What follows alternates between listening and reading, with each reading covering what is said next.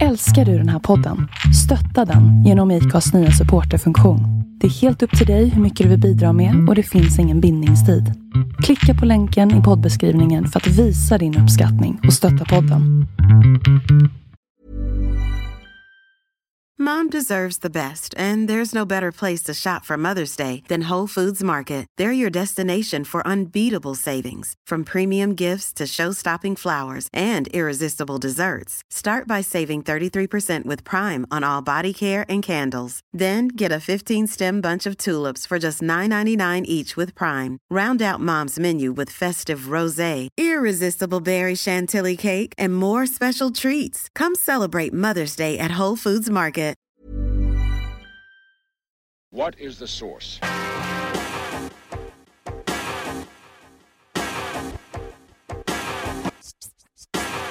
One, two, three, set it!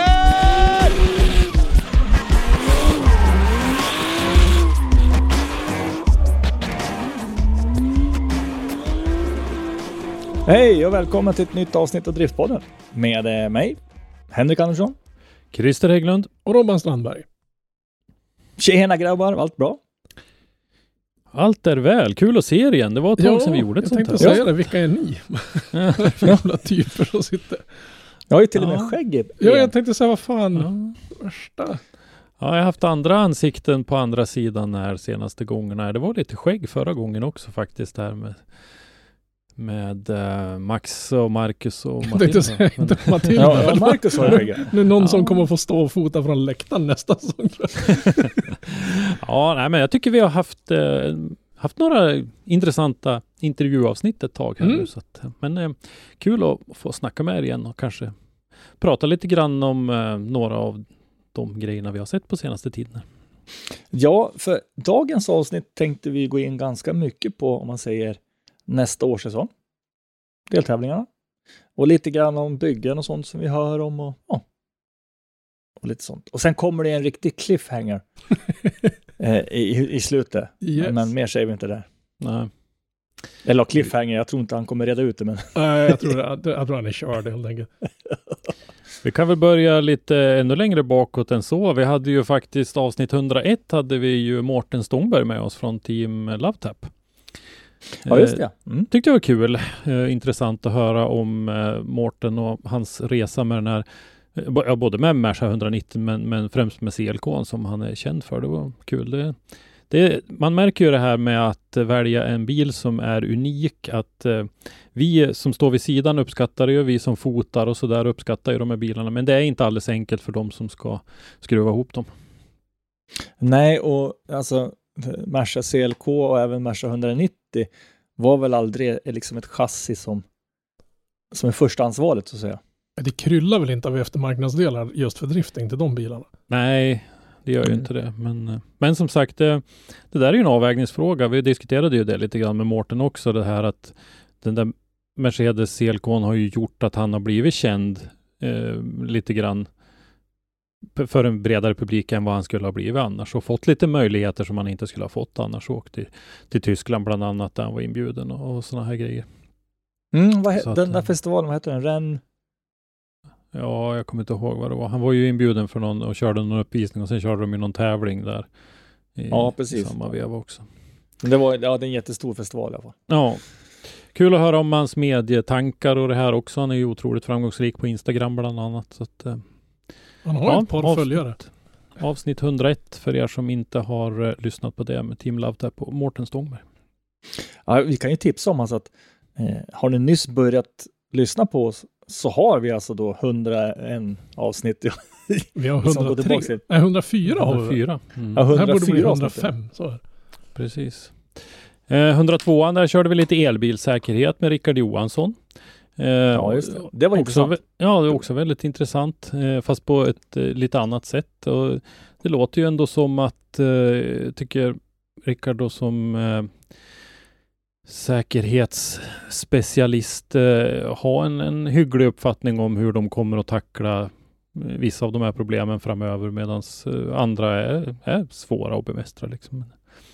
Och, Ja, för jag ska faktiskt ta och sticka ut hakan och säga att hur vi än vill så kommer vi att gå emot att det blir el bil Ett- i sporten. Ett tag i alla fall. Ja. Mm. Och sen så vet vi ju inte om det kommer bli, nu är det ju hybridmodeller. Framförallt i rally då, men alltså rallycrossen. Fast Rally har ju börjat helt- testa renodlade elbilar där också. Var det inte Ja. Hyundai Ja. som hade varit och kula av ordentligt med en 100% elbil? Eller var det en hybrid? Ja, hybriden ska de köra med nästa år bara. Jo, men det här var ju någon testbil. Ja, men var inte, nu vill, var inte det nästa års eh, Ja, jag, jag, hade, jag ja, hade aldrig uppfattat om det var en, en, en hybrid Ja, eller om det- det var renodlad el han, han la Mm, på taket där. mm. Ja, nej och så eh, avsnittet efter det hade vi Olof Eriksson. Eh, lite digital drifting, lite simulatorkörning. Eh, tyckte jag också vara en, en, en inblick i någonting som vi inte har så mycket koll på, som jag tror många andra inte har så mycket koll på heller faktiskt. Och eh, så eh, hoppas vi att eh, det fanns ju en del planer där. Han har ett stort nätverk, Olof, genom den här digitala driftingen och som det lät på honom så kunde det ju kanske bli något nå event och, och grejer i verkligheten av, av det där också. Vi får se. Han var ju lite hemlighetsfull där, men jag har, jag har sett lite grann i en del andra forum att det, det tuggas lite grann så att vi får se vad det blir, om det blir någonting i, i nära framtid eller när det blir här. Men eh, är det så att, för vi pratade ju i det avsnittet lite grann om att eh, till exempel Fällfors finns med och köra och att man kan väcka ett intresse hos utländska förare att komma hit och köra på, på en sån bana som Fällfors. Eh, men det är ju schysst om de kan med. träna innan så att säga. Så de liksom Ja. får lite muskelminne så att säga av det hela. Ja men precis och, och bli intresserade av banan och, och komma hit. Vi har ju mycket tid på våra banor, eh, i, i vissa i alla fall. Att en, jag menar åka till, eh, ja men vi säger Fällfors eller eh, Piteå eller någonting för en tävling. Det är ju jättelångt. Kan du åka dit och lägga träningsläger där du kör ett par dagar på varje av de här banorna för en som är, är en, en europeisk elitdriftare till exempel. Det kan ju vara hur värdefullt som helst. Då är ju helt plötsligt kanske de här några hundra milen att köra i början av mindre betydelse. Det är viktigare att du har full tillgång till de här banorna under ett visst antal dagar till exempel. Oh ja. Och som, som den, där, den här digitala driftingen kan hjälpa till och, och liksom öppna vägen för. Eh, eh, nu medan vi, vi fick höra det intressanta så slog jag upp då den här testen han körde med den här Hyundai- Hyundaien. Mm. Och det, det är ju Thierry Neuville eh, som åkte av, men de testade nya hybridbilen. Ja. Okej, Ja. det, det var hybriden han körde om. Mm. Det, det var lite svårt att avgöra på bilderna vad det var han hade kört av med. Det hade lika bra kunnat vara någons matsäck som de hade kastat ut för det där Ja. Det var liksom... ja. Vad är, det, vad är det för film? Är det Mannen från Mallorca eller vad är det när de visar den här eh, övervakningsbilden på ett ansikte? Det där skulle ju lika gärna kunna vara dagens lunch i matsalen. Ja men precis. ja, nej, men de har ju en Ja, jävla tur att de klarade sig så pass lindrigt som de gjorde. Och det är bara ett bevis på att Mm. många sitter ute och är lite bittra över det här med FIA-reglementen och, och säkerhet. Men en sån där gång ser man ju. Det är inte bara en liten lätt avkörning, han ramlar ut för, för ett stup ner i någon jävla, ja. var det något vattenfall eller någonting i närheten där? Ja.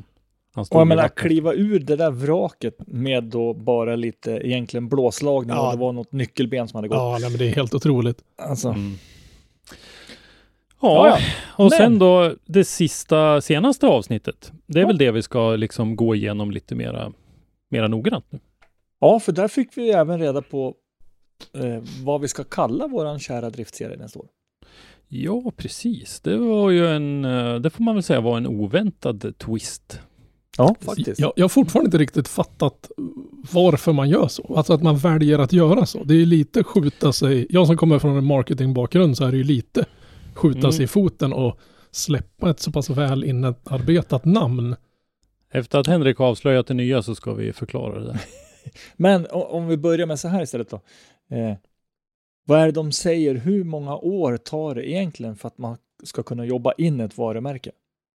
Ordentligt. Ja, Två, tre år? ja minst.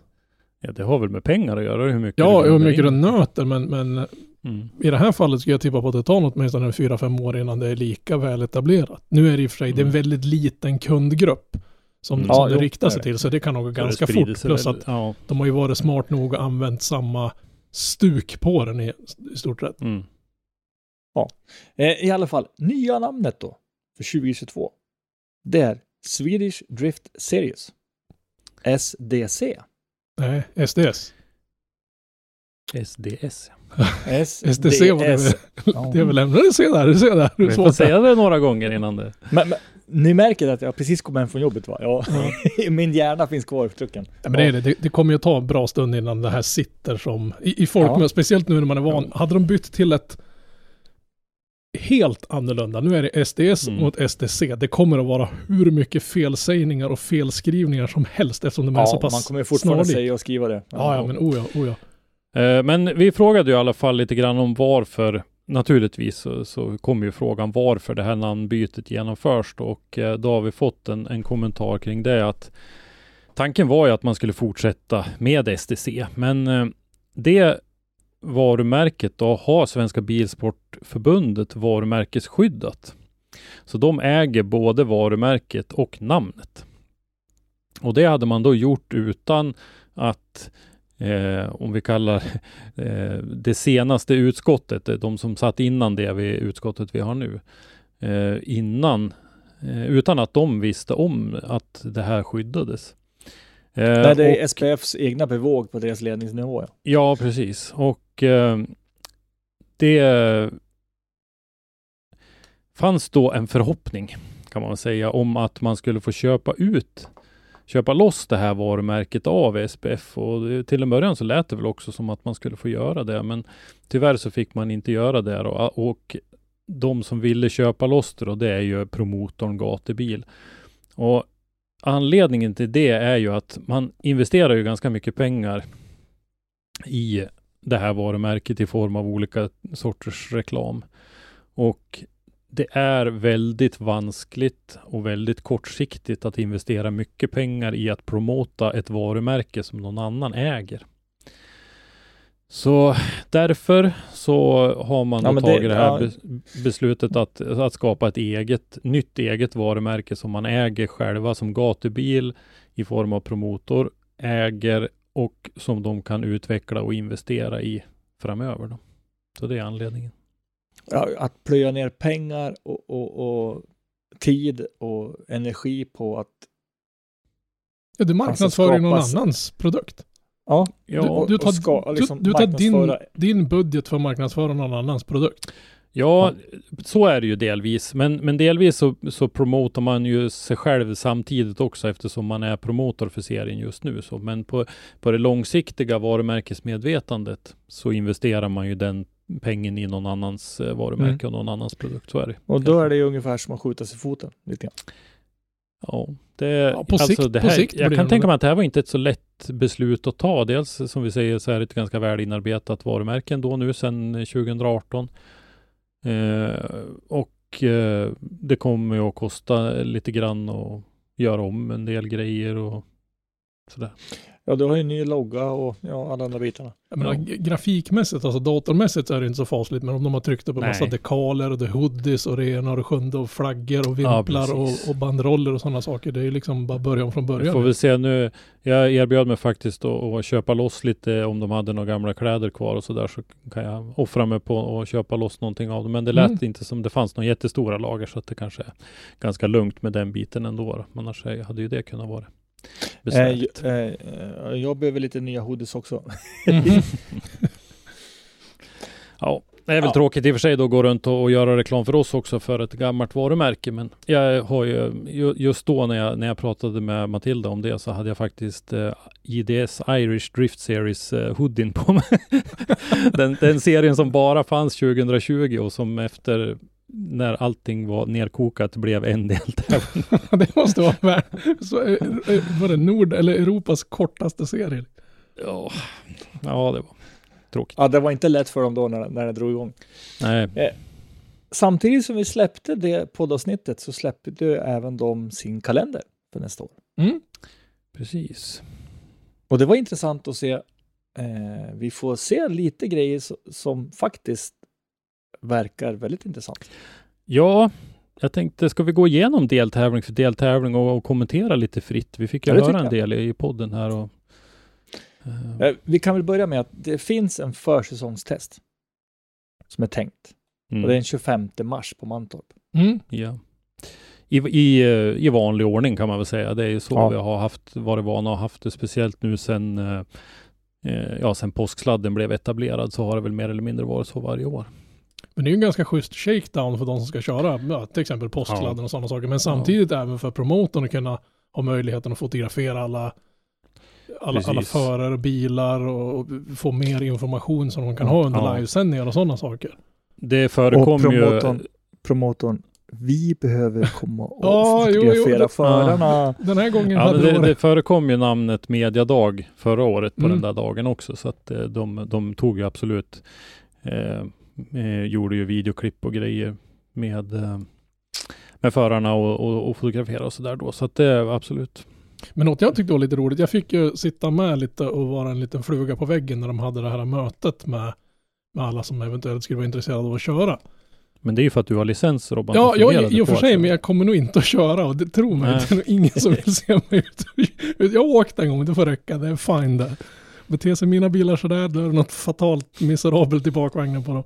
Men, men där har de ju, Max sa ju det att de har pushat väldigt mycket på att kunna ge just förarna möjligheten att kunna ge tillbaka någonting till sina sponsorer med, med mycket så här medåkningsmöjligheter och grejer som kommer finnas Mm. på en del av eventen. Inte alla då, men många av eventen kommer det finnas möjlighet Ja. att ta med sig sina samarbetspartners. Och samtidigt skulle de få en bättre deal på att köpa biljetter till sina samarbetspartners som kan dyka upp på, på Jajamän, eventen och ja. grejer. Och det, det tycker jag är jättebra. Men bara det är Ja, ett bevis på att precis. den här promotorn vet vad de håller på med. Ja, Det- det här också. Vi har ju varit med på en del sådana här möten tidigare också i form av att vi har livesänt dem för slutna grupper som har varit intresserade och sådär. Och just det här med att ha saker att erbjuda sina samarbetspartners har ju varit efterfrågat. Mm. Eh, jag minns ett möte vi var med på på Mantorp Park till exempel där det här togs upp och så. Och då var det svårt därför att eh, det, det var dåligt med tid Eh, på, på eventen. Så att det här har man ju lyssnat på. Och det, det tycker jag är jättebra därför att eh, en, en klibba på bilen i all ära men du kommer inte långt med att erbjuda företag sånt utan du kan komma betydligt mycket längre med att erbjuda någon form av medåkningar och, och så vidare. Och sker det då under ordnade former på de här eh, tillfällena då är det du, du löser en licens till till eh, den som åker med och så vidare så att du har försäkringsskydd och allt det där om olyckan skulle vara framme.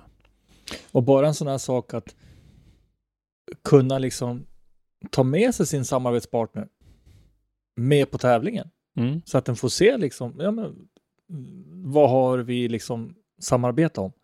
Men det, det är ju bara ett bevis på att vad, vad sporten har vuxit och framförallt vil- vilken, vilket bra jobb den här promotorn har gjort som liksom har, har lyssnat på alla förarna och liksom verkligen sätter sig ner och försöker jobba till och försöka få det här genomförbart. För det är ju som sagt, Ja, som precis. de säger, det är, det är jag menar med RM och, och SM så vad de sa, det blir väl drygt 70 tävlande som ska träna en dag.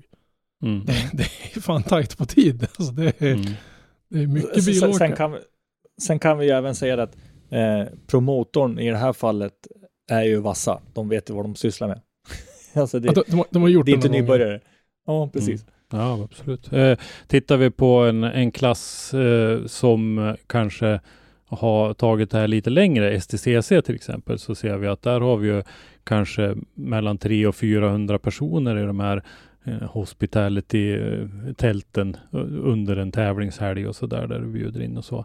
Så att vi, vi ser ju att där, där rullar ju betydligt större pengar än vad det gör i ett drifting-SM. Och att eh, det behövs de här grejerna för att få partners att bli intresserade. Man vet ju inte, vi, vi kanske slutar där vi också så småningom. Alltså Ja. att, att vi är på väg dit. För den här sporten har ju tagit enorma kliv de senaste par, tre åren har det ju varit en enorm utveckling även i Sverige.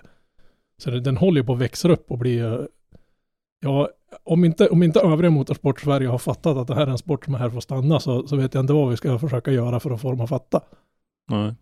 Ja, driftingen har ju blivit mer och mer också rumsren. Den anses Mm. mer vara en, faktiskt en sport också. Ja. Och det är bara du som inte räknas som rumsren. Nej, jag är aldrig det. Nej, men- Jag tycker vi börjar att gå igenom deltävlingarna därför att det har ju mycket med det här att göra. Och deltävling 1 då som vi- vi pratar om är ju på 15 till 16 april i påsksladden på Elmia i Jönköping, alltså Bilsport Performance and Custom Motor Show. Heter Mm. det väl? Mm. Och eh, eh, tittar vi hur det har sett ut traditionellt sett så har ju påsksladden varit en av de två eh, tävlingar på året där vi har haft störst publik. Absolut störst publik. Det passerar helt ohemula mängder människor genom de där hallarna under ett vanligt Ja. år. Men hur många av dem är det som är och tittar på själva drifting?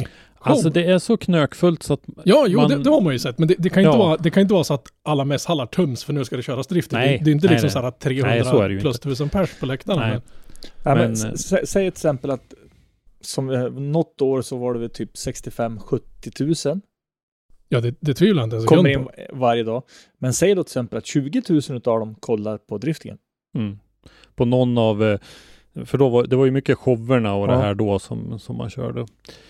Men nu så har man ju då flyttat. Det är ju väldigt trångt där utanför den där lastkajen och det där där vi har brukat hålla till förut. Så att eh, nu har man ju flyttat iväg då som Max berättade lite grann om bort mot de här stallarna och det och som nu är rivna och man har asfalterat i lite grann och så där.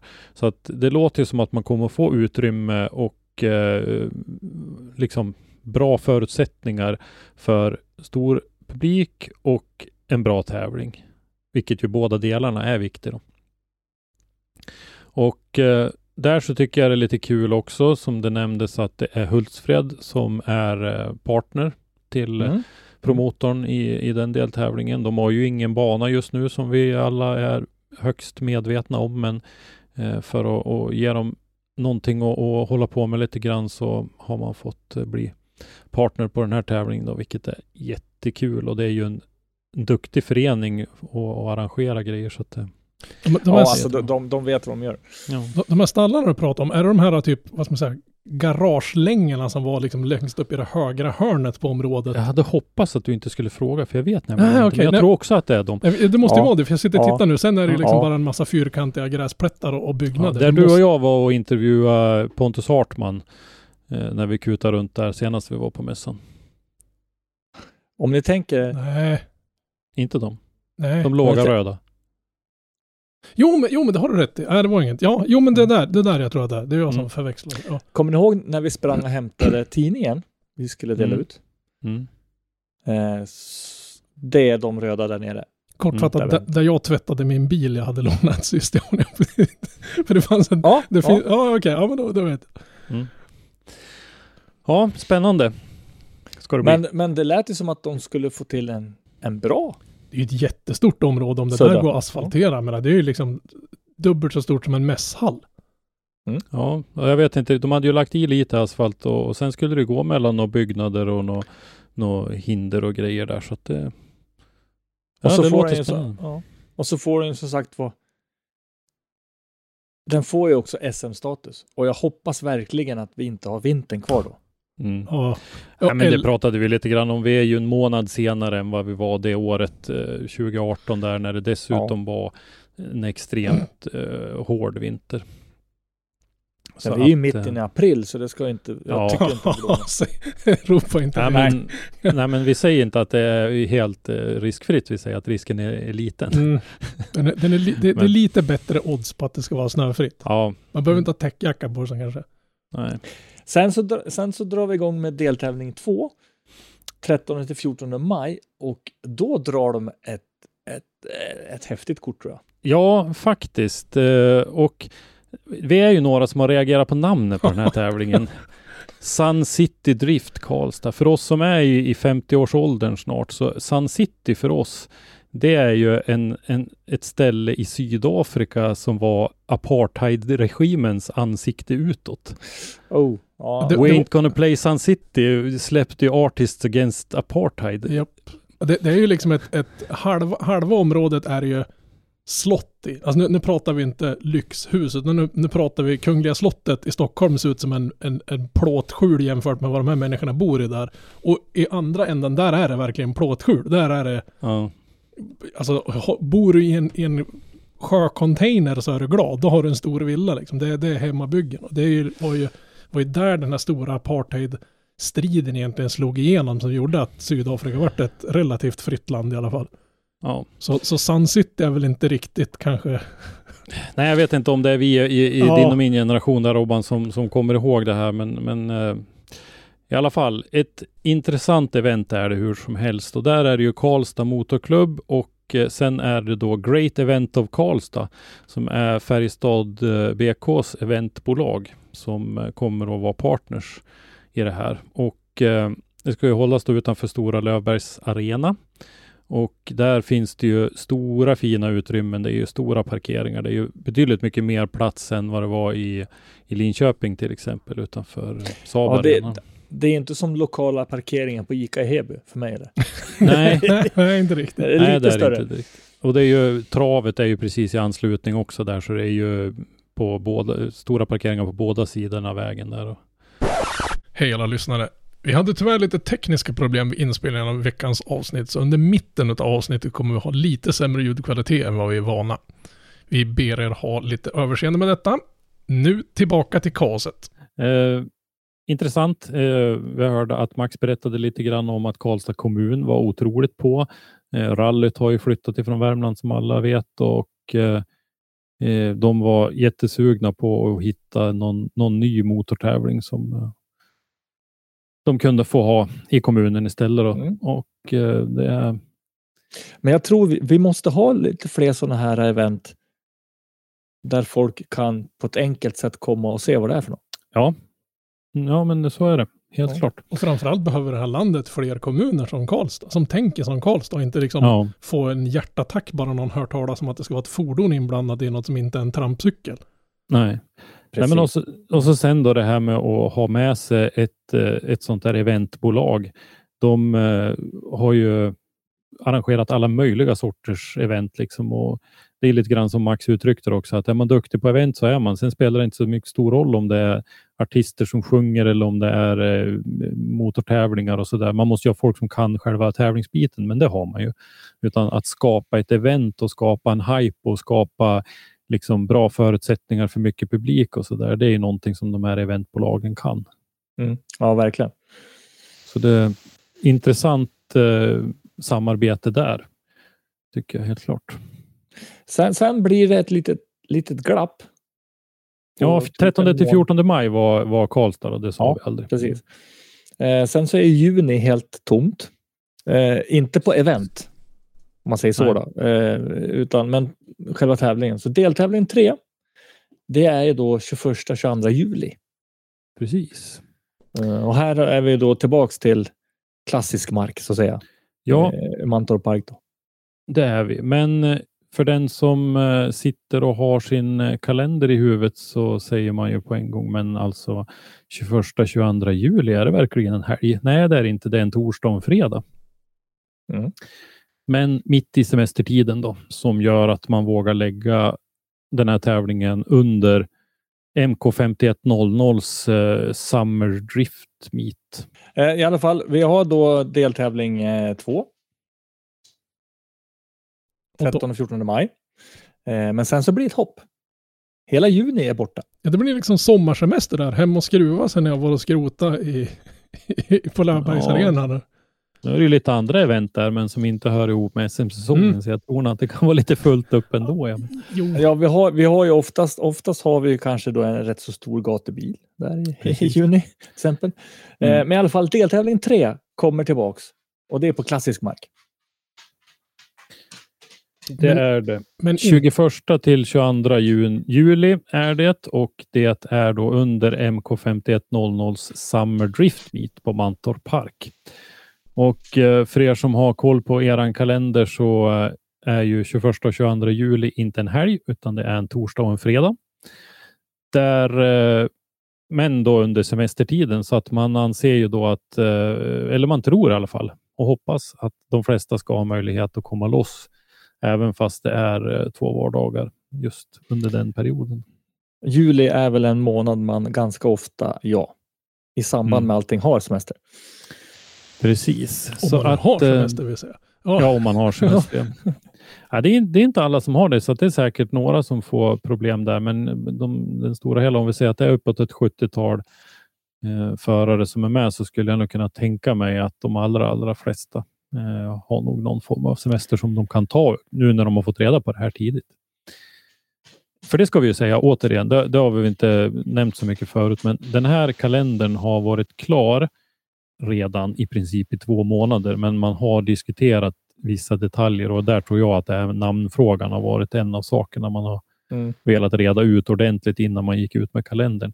Och Det här är ju en jättefördel för förarna att ha kalendern klar i så här god tid och Oh, kunna ja. planera eh, sina, ja men både semestrar men även eh, renoveringar av bilar eller nybyggen och så vidare. Vad man har för tid att hålla sig till. Ja, framförallt kunna, kunna göra en- någon form av kalkyl och veta Ja. vart kommer vi hamna. Liksom. Men det är bra att kunna vara ute typ nästan, ja vad blir det, fyra, fem månader i förväg och veta hur mycket du Ja. behöver budgetera inför nästa år och så vidare. Ja.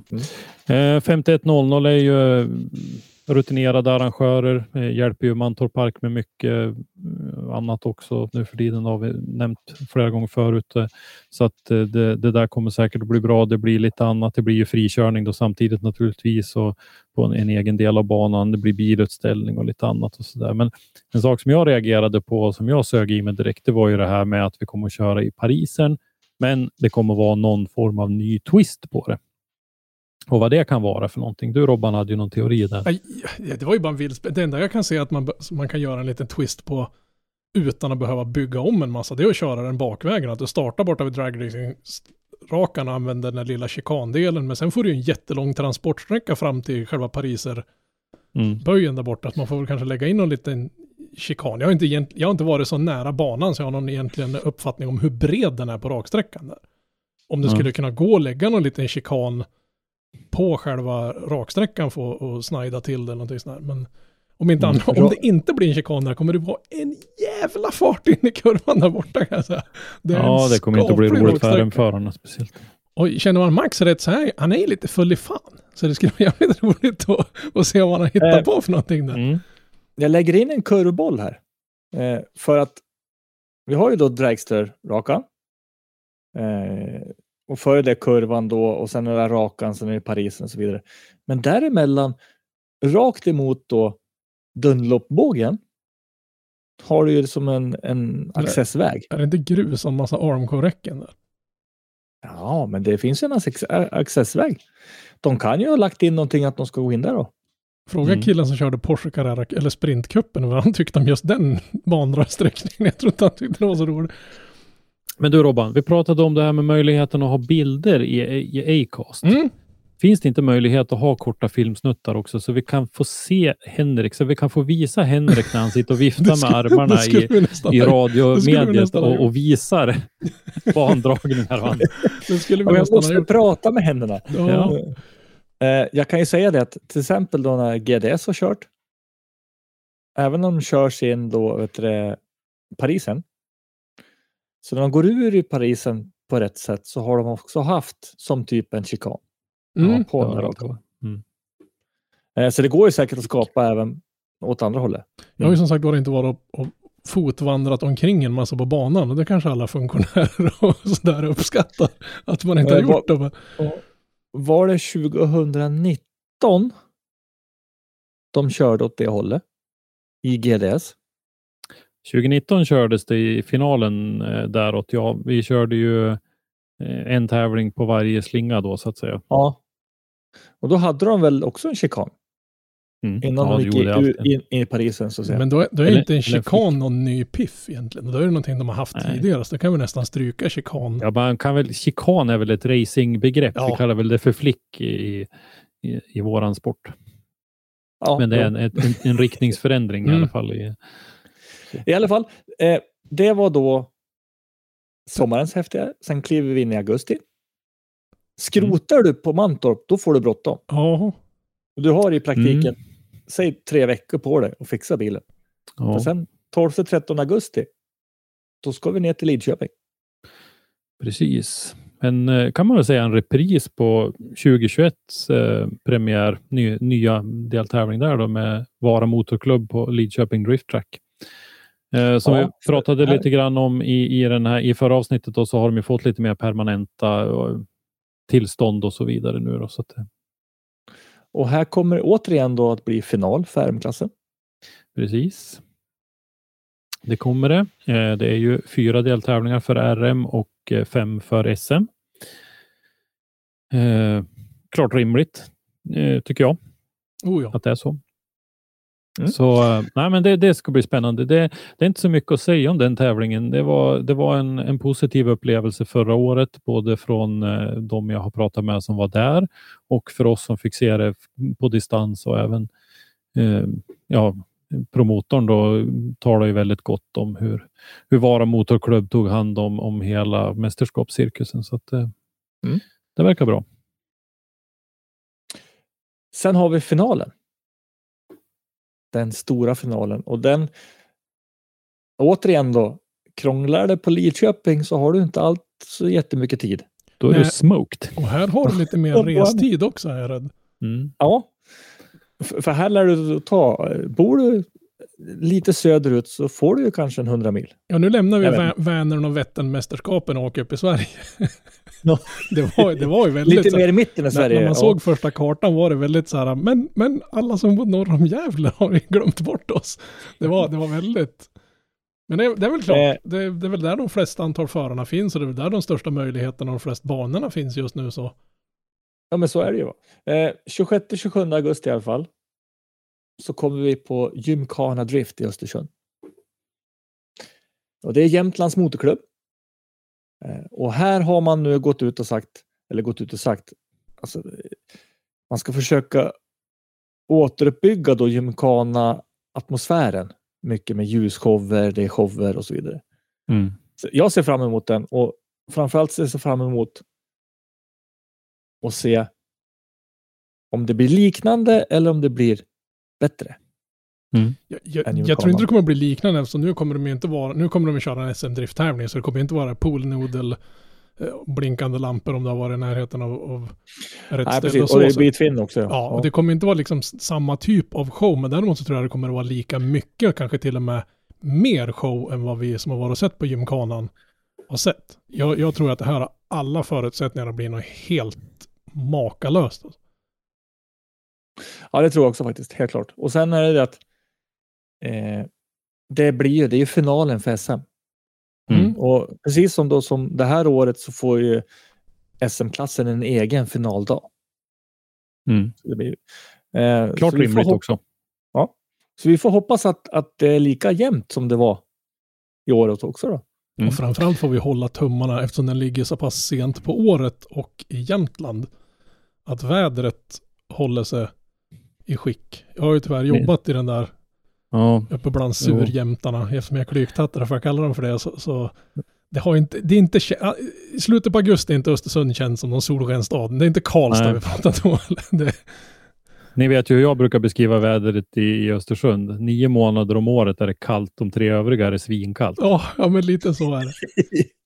Men Tror, tror, tror ni jag får visum att komma upp dit? ja, det är väl, Eh, du, du kommer väl undan, det är väl värre för mig och Christer som bor i, i, i Västernorrland. Det är väl vi som måste söka visum för att komma till, till, till världsmetropolen, eller rep, Jämtländska republiken.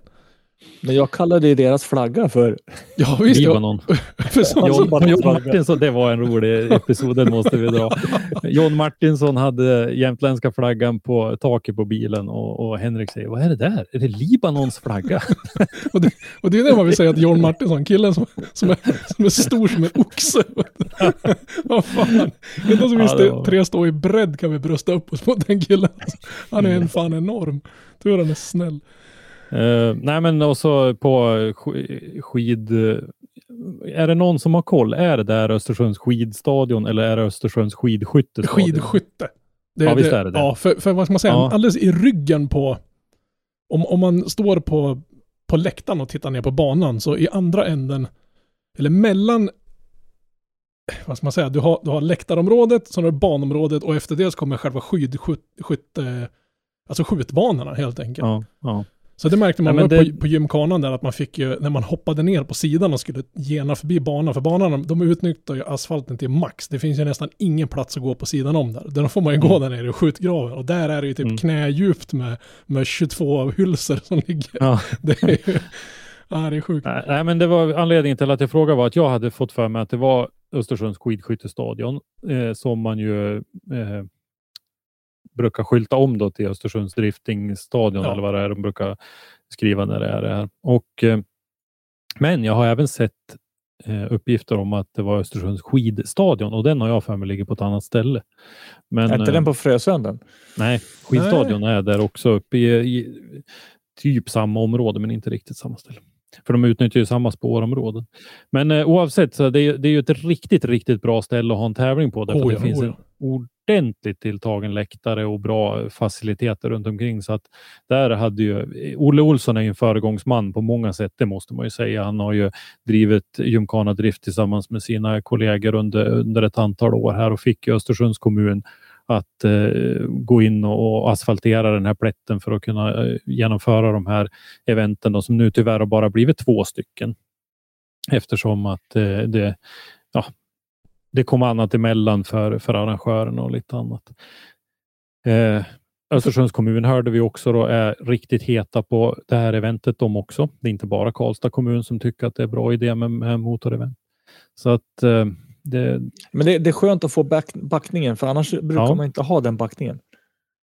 Nej, de har ju Precis. nå- något som man blir, alltså gymkanadriften är ju fascin- det är makalöst att åka och titta på. Men det jag är Mm. mest fascinerad över det är den ofantliga kö som bildas för när publiken ska dit. Och vilken, alltså vad ska man säga, throughput de har på, Ja. på, på kön. Alltså man, man ja. klättrade upp ett torn som de har. Det finns ett ganska schysst utsiktstorn man kan, om man är snäll får man komma upp och titta en bit. Och då ser man kön som ringlas över vägen långt, långt, långt, långt, långt ner på besöksparkeringen. Och det tog 20 minuter så var alla inne. Det bara rassla till.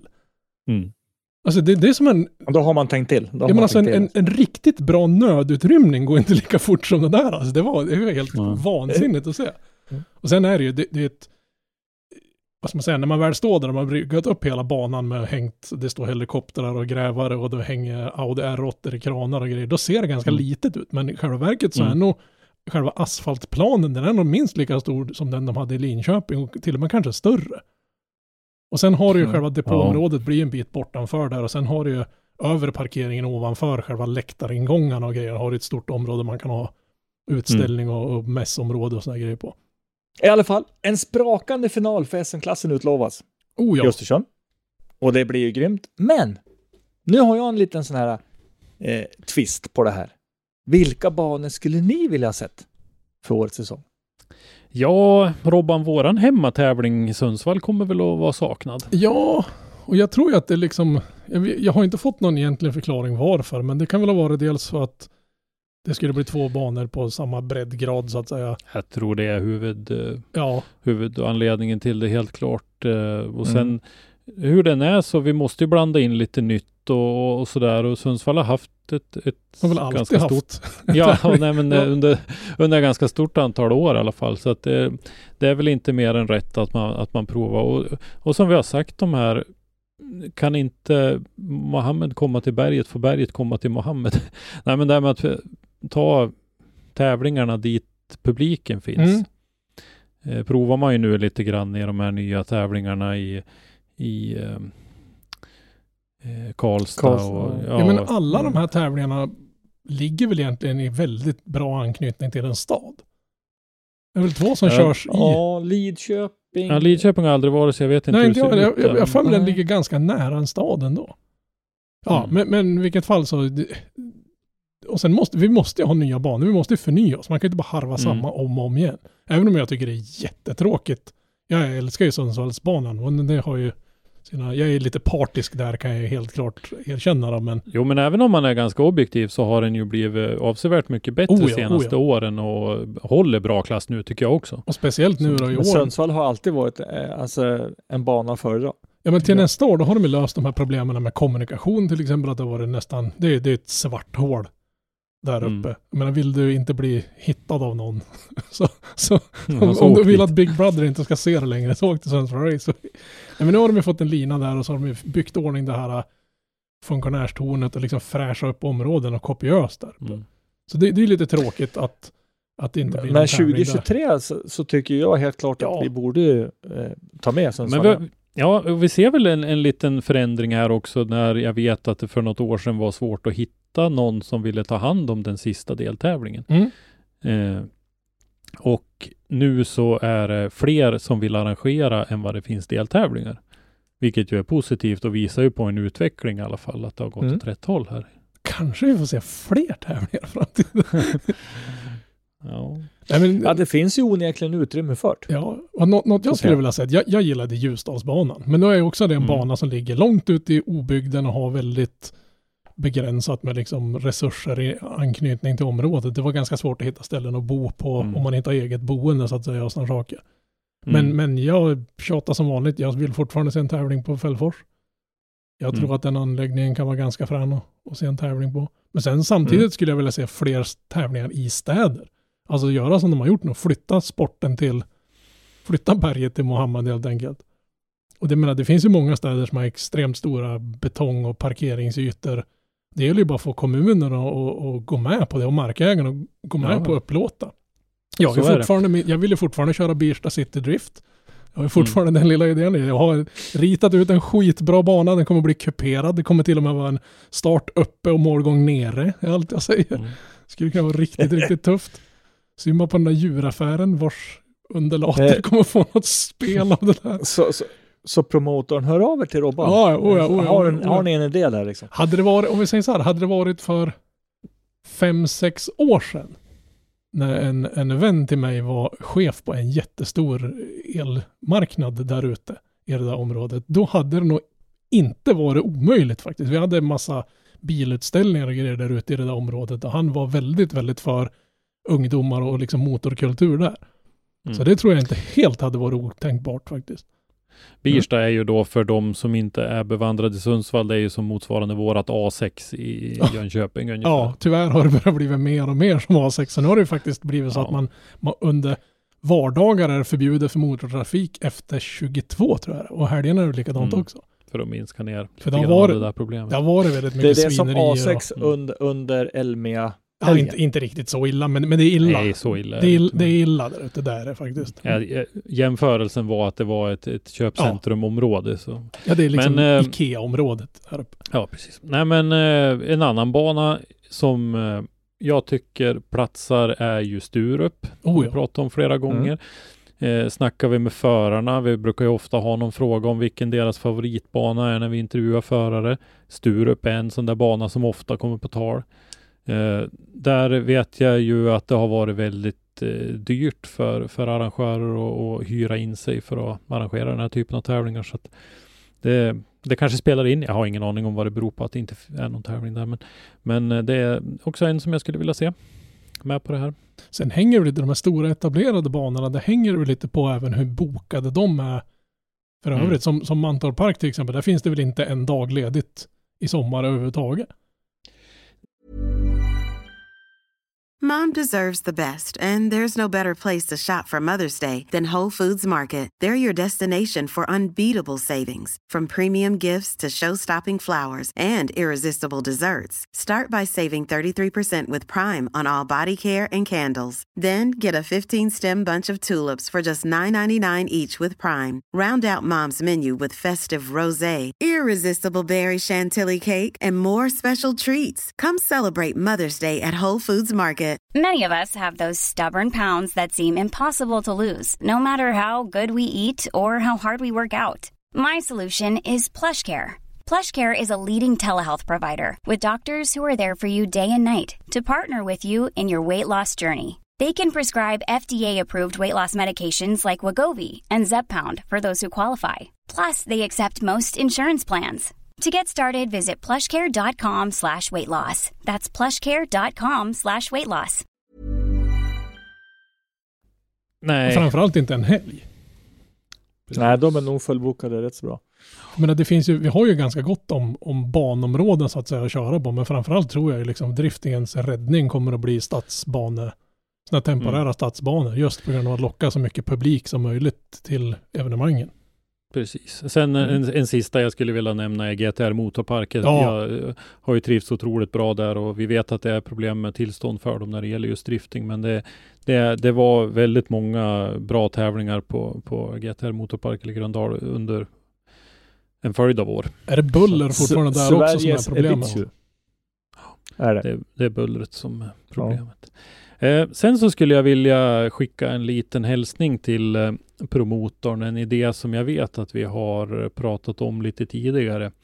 Vi gör ju det med, med ålderns rätt. kan man väl säga, så pratar ju vi om samma saker om och om igen. Man får göra det när man blir så gamla som vad vi är. Men, nej men, ett alternativ för RM. Vi pratar om att vi kör fyra deltävlingar för att hålla nere kostnaderna. En, ett sätt att hålla nere kostnaderna är ju att begränsa resandet. Och att köra en norrserie och en söderserie för RM för att sedan mötas i någon form av final. Det tycker jag fortfarande är en idé som skulle kunna fungera. Att man får köra, kanske köra Ja. något fler deltävlingar, eh, men man gör det mer, eh, vad heter det, koncentrerad form. Om vi tittar uppe i norr till exempel, uppe i övre norra så har de sin, de kör den här motorveckan och de kör lite olika sådana där. Man kanske skulle kunna klämma en par tre deltävlingar som är med i en RM-serie under en ganska koncentrerad tid, till exempel, inte vet jag. Och likadant då nere i södra Sverige köra eh, någon, några deltävlingar och så sen så möts man i en, i en lite större final. Var, det var väl det de tänkte med Sverigecupen förut va? Ja, det, Lite grann. Det var ju lite den tanken, men där var det ju fritt och då bli, visade det sig att, att, att de eh, förarna som var med i Sverigecupen reste ju på ett sätt som man inte överhuvudtaget trodde att Mm. de skulle göra. Eh, Så att det var ju Hultsfredsförare uppe i Piteå bland annat och så vidare. Så att det, det blev ju inte riktigt så som man hade förutspått att det skulle bli när det gällde den delen. Eh, Ska det funka då, då måste du ju tilldela regioner. Ja, men precis, du, du ska köra din, din, regions deltävling och får liksom inte åka och vad ska man säga, störa den andra regionens tävling. Nej. Så jag menar, om, om du splittar Sverige i två delar och så kör du, jag vet inte om, om man kan köra det för modified, eller för, jag tycker RM har väl hittat där de ska vara. Jag vill ha in ytterligare. Ja, jag vet inte om de har det. Jag Är vet det inte om de har. Ja, jag, jag, Jag vill ha jag är mer tävlingar.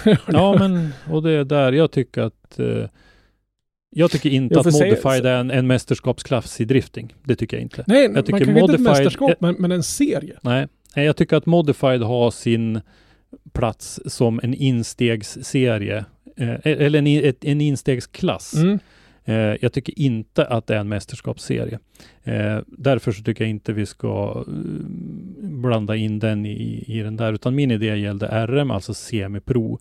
Eh, och eh, sen är jag också medveten om att det kommer naturligtvis att vara utmaningar i att dela upp Sverige på ett rättvist sätt, sett till geografi kontra antal deltagare. Därför att vi kan inte dela av det på ett, ett geografiskt rättvist sätt, därför att då kanske de är Gävle. 10 i norra delen och 43 i södra Ja, delen. i, i, i och för sig, det har du ju rätt. Ja, och då men krävs det lite mer att bli etta bland de 43 än vad det kanske krävs för att bli etta av de 10. samtidigt kanske vi Eh, skulle ja, få jo. fler i Norrland som ställer upp och kör. Och, Ja, och, det är eh, det jag är ute efter. vi, vi kan inte göra så att man kan inte liksom bara kapa efter skostorlek heller, för då kan det ju vara någon stackare i, i, i Gävletrakten eller, eller låt säga Göteborg eller någonting som ska behöva åka till Fällfors och köra en tävling bara för att han hamnar i norr, eh, Norrlandsdivisionen så att säga. Precis. Men vad heter det, det där, det där finns ju folk som Mm. är eh, smartare än vad jag är som kan, eh, som kan dra upp eh, detaljerna när det gäller det där. Jag vill bara kasta ut idén Tack. att för att inte begränsa antalet körtillfällen för RM-förarna men ändå hålla det på en ekonomiskt rimlig nivå så kan man istället begränsa resandet kanske lite grann. Men det går väl kanske Ja, men splitta, alltså splitta det, det, det, i tre. är, det är en bra tanke som jag tror kan funka faktiskt. Men om, om vi först drar en horisontell linje vid Gävle och så har du en division norr där uppe och sen drar du en, en vertikal linje tvärs genom landet så du har öst och Mm. väst. Utav den södra Ja. delen. Det, då, då, är, Ja. då finns det en möjlighet att liksom Lite så har ju hockeyn gjort. Ja, man måste SHL nästan- hade ju lite den där uppdelningen ett tag. Men ja, det, det finns eh, saker att utarbeta, men vi, vi kastar in det som ett... eh, Jag, jag skulle vilja köra, mo- alltså att Modified körde en, en serie. Alltså inte ett mästerskap, en renodlad mästerskap, men, men Modified, de killarna kan ju också behöva träningstäv, eller vad ska man säga, tävlingsträna kanske Ja. det ja. Och då skulle man kunna köra en, en Norrlandsserie och sen en serie söderut. Där man får liksom möjligheten, det kanske inte blir någon mästare, men du kanske kan få några, det är en merit att komma vidare på så att säga. Att du, du, man vet ju inte i framtiden kan det vara jättetajt att komma med i SM och RM. Det beror ju alltid på hur mycket sporten utvecklas. Så du måste kanske ha någonting så du har något, någonting att kvala in det till RM med på slutet. Nu, nu Mm. sitter jag här och... Ja. som som Nej, Sverigecupen ja, var ja. tänkt. Mm. De har ju pratat om det länge, det här med att de vill ha det här seriesystemet. Mm. Och kliva in direkt på RM, det, det är ju ganska stor kliv. Ja, det. men det, det är en, menar, nu är ju RM så pass hög nivå. Alltså det, det såg vi i år. Att RM-förarna var, var inga RM-förare. Det var SM-förare som inte fick plats i Ja. SM liksom. Jag tycker att RM i år var i en ojämn nivå. Mm. Men det, det, det Ja, det blir var ganska lite, stora kliv ifrån toppen Ja. ner till botten. men det var väl Ja, rätt det många som egentligen skulle ha kört SM som inte fick plats. Eller? Så, som jag, Mm. alltså vad, vad jag såg av de förarna så var det, var ju som du säger, det var en ganska stor säga, erfarenhetsnivå. På, Mm. på, på, på dels både dels utrustningsmässigt men även körtekniskt mässigt var det ju en Ja, och även hopp. tävlingsrutinmässigt. Och det ser man ju skiljer ju en del också. Att eh, en del får problem som, som man ser att det där hade en rutinerad förare inte haft problemet. Det där hade han löst. Ja. Eller teamet löst. Men har du då möjligheten Och, och så ska det ju vara i en instegsklass Ja, ja. naturligtvis. men, men har du då möjligheten att kunna tävla även på en lite lägre nivå som, som till exempel Mm. Modified, att du har liksom den möjligheten att kunna få lite tävlingsrutin om man så säger. Då kommer Mm. du ha lättare den dagen du kliver upp i RM och kunna leverera bra därifrån också. Ja. Mm. ja, jag tycker att en, en nyckel som eh, vi behöver titta på i det här, det är att få fler föreningar att köra fristående tävlingar Mm. också. Eh, att köra ett SM eller ett RM ska inte vara det enda sättet att tävla i, i, eh, i drifting oavsett vilken, eh, vilket reglement du vill köra efter egentligen. Nej men det är det, det, det är har, för har få ju väldigt många, liksom, alltså väldigt många sporter har ju distriktsmästerskap.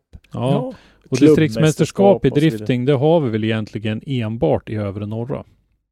Ja, Och, eh, Så att där, Vi har så väl det inte så många vägar att gå. fristående tävlingar egentligen. Vi har väl egentligen SM, RM, gatubil och sen är det väl i stort sett dött. Vi hade ju eh, Cash Grabben Nej. var väl ett försök, Jönsson hade ja ett men försök. det finns ju lite grann och vi har motorveckan i Lycksele, Ja. kör ju en, en stor populär tävling varje år och så vidare och sen det, det har varit några, men, men det finns inte jättemånga av dem. Nu är det ju för Det sig gör inte sådär inte. superlång säsong för just det vi håller på med då.